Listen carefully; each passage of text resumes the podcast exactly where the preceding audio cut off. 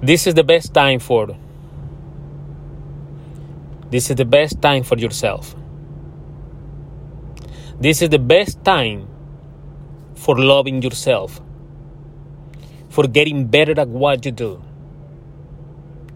for learning a new skill,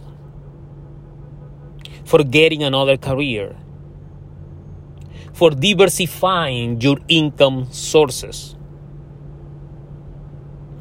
This is the best time for you. Hopefully, we won't have a time like this. But take advantage of this time because this time is also the best for you to build yourself up.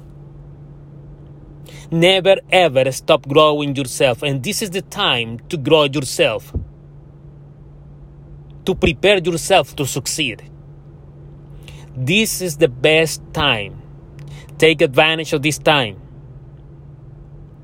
But never, ever stop growing. Because when you stop growing, you die. If you agree with me, share this episode, like it, comment, but please do yourself a favor. Never stop growing.